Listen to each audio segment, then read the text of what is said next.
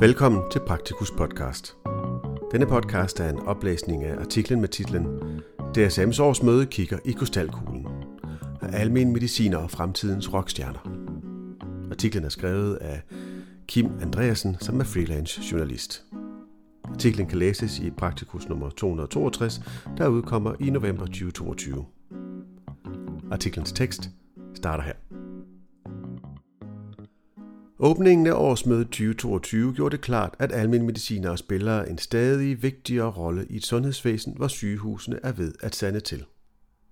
De 360 deltagere på DSM's årsmøde i Kolding brød ud i spontane klapsalver, da fotoet af Bjarke Beisner Laversen, forsangeren for det danske Queen Tribute Band Queen Machine, tonede frem på storskærmen. På scenen stod formanden for DSM, Bolette Friedrichsen, og formanden for DSM's fyremudvalg, Thomas Purup, for at indlede årsmødet. Det var Thomas Purup, der havde taget billedet af forsangeren med, og han ledsagede det med ordene. Jeg så gerne, at almindelige mediciner blev fremtidens rockstjerner. Forsangeren er nemlig ikke bare musiker, han er også læge. Godt nok ikke almindelig mediciner, men alligevel brugte Thomas Purup ham til at illustrere, at almindelig medicin er et speciale i fremgang, og et speciale, der for stadig flere læger bliver førstevalget. Inden da havde Bolette Friedrichsen først slået fast, at almen praksis er et populært speciale. Citat. De unge læger ved godt, at det er her, det sner. De ønsker et lægeliv, hvor de kan udvikle sig løbende. De vil kende deres patienter og hjælpe dem med at tage ansvar for deres sygdomsforløb. Men som almen mediciner i praksis oplever man også mange udfordringer, især i form af et stort arbejdspres, sagde hun. Et speciale i fremgang. Herefter fandt Bolette Friedrichsen krystalkuglen frem i form af en rund lampe med lys i og gav den videre til Thomas Purup.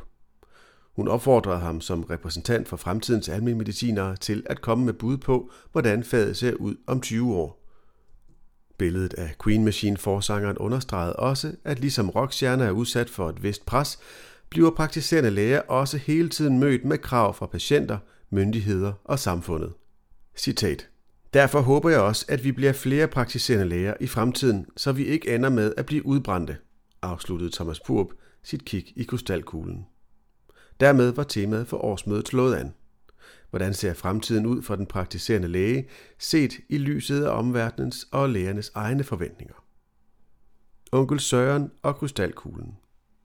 Da Søren Brostrøm, direktør for Sundhedsstyrelsen, gik på talerstolen, havde han fået fingrene i krystalkuglen, som de to repræsentanter for DSM brugte ved mødets indledning. Citat. Nu kan vi sige, at det er onkel Søren, der kigger i krystalkuglen, indledte Søren Brostrøm sit oplæg. Men før den egentlige spådom om, hvordan fremtiden ser ud for almen praksis, gav han en lynhurtig gennemgang af de sidste 25 års udvikling og radikale forandringer i sundhedsvæsenet. Citat. Vi har set enorme omvæltninger. Behandlingen er nu styret af en evidens- og forskningsbaseret tilgang. Vi bruger datadrevet kvalitetsarbejde og en høj grad af specialisering. Der er indført patientrettigheder, f.eks. behandlingsgaranti og klageret, og så er der også tilført væsentlige ressourcer, forklarede Søren Brostrøm. Og han fortsatte. Det har været en ubetinget succes, når vi ser på for eksempel overlevelse. Men nu er sygehusvæsenet ved at sande til. Det kan ikke længere håndtere den stigning af især ambulante patienter, som i kraft af den øgede kvalitet i behandlingen lever længere med deres diagnoser. Det har fået den konsekvens, at uligheden i sundhed er øget, sagde han. Den vigtigste lægefigur. Det var ikke en tilfældighed, at almen praksis ikke fik meget en omtale i Søren Brostrøms gennemgang. For som han slog fast, er det sygehusvæsenet, der har været i centrum i de seneste mange år. Almen praksis har i mindre grad været direkte påvirket af de konkrete omvæltninger. Citat.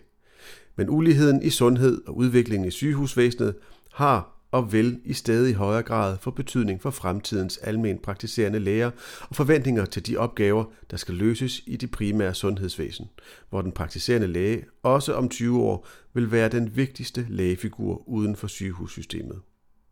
Det er min opgave at gøre noget ved det men ikke desto mindre vil ulighed i sundhed udfordre jer big time, sagde Søren Brostrøm.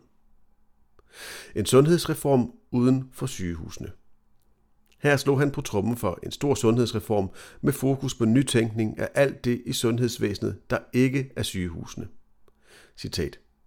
Men det vil naturligvis kræve et folkekrav og også noget politisk mod, hvis man skulle lave en reform, hvor man kiggede ned i styringslogikker og gjorde radikalt op med den fordeling, der er i dag mellem regioner og kommuner, afsluttede direktøren for Sundhedsstyrelsen sit indlæg.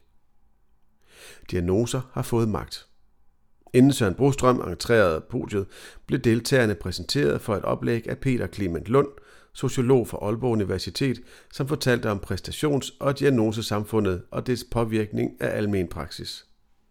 Ifølge Peter Clement Lund lever vi i et præstationssamfund, hvor mennesket er underlagt en række idealer om individualisering, selvrealisering og frihed for den enkelte. Hvis noget går galt i livet, er det groft sagt din egen skyld. I stedet for at acceptere det, er der opstået en diagnosekultur, hvor diagnosen kan forklare, hvis man for eksempel får et nederlag i livet.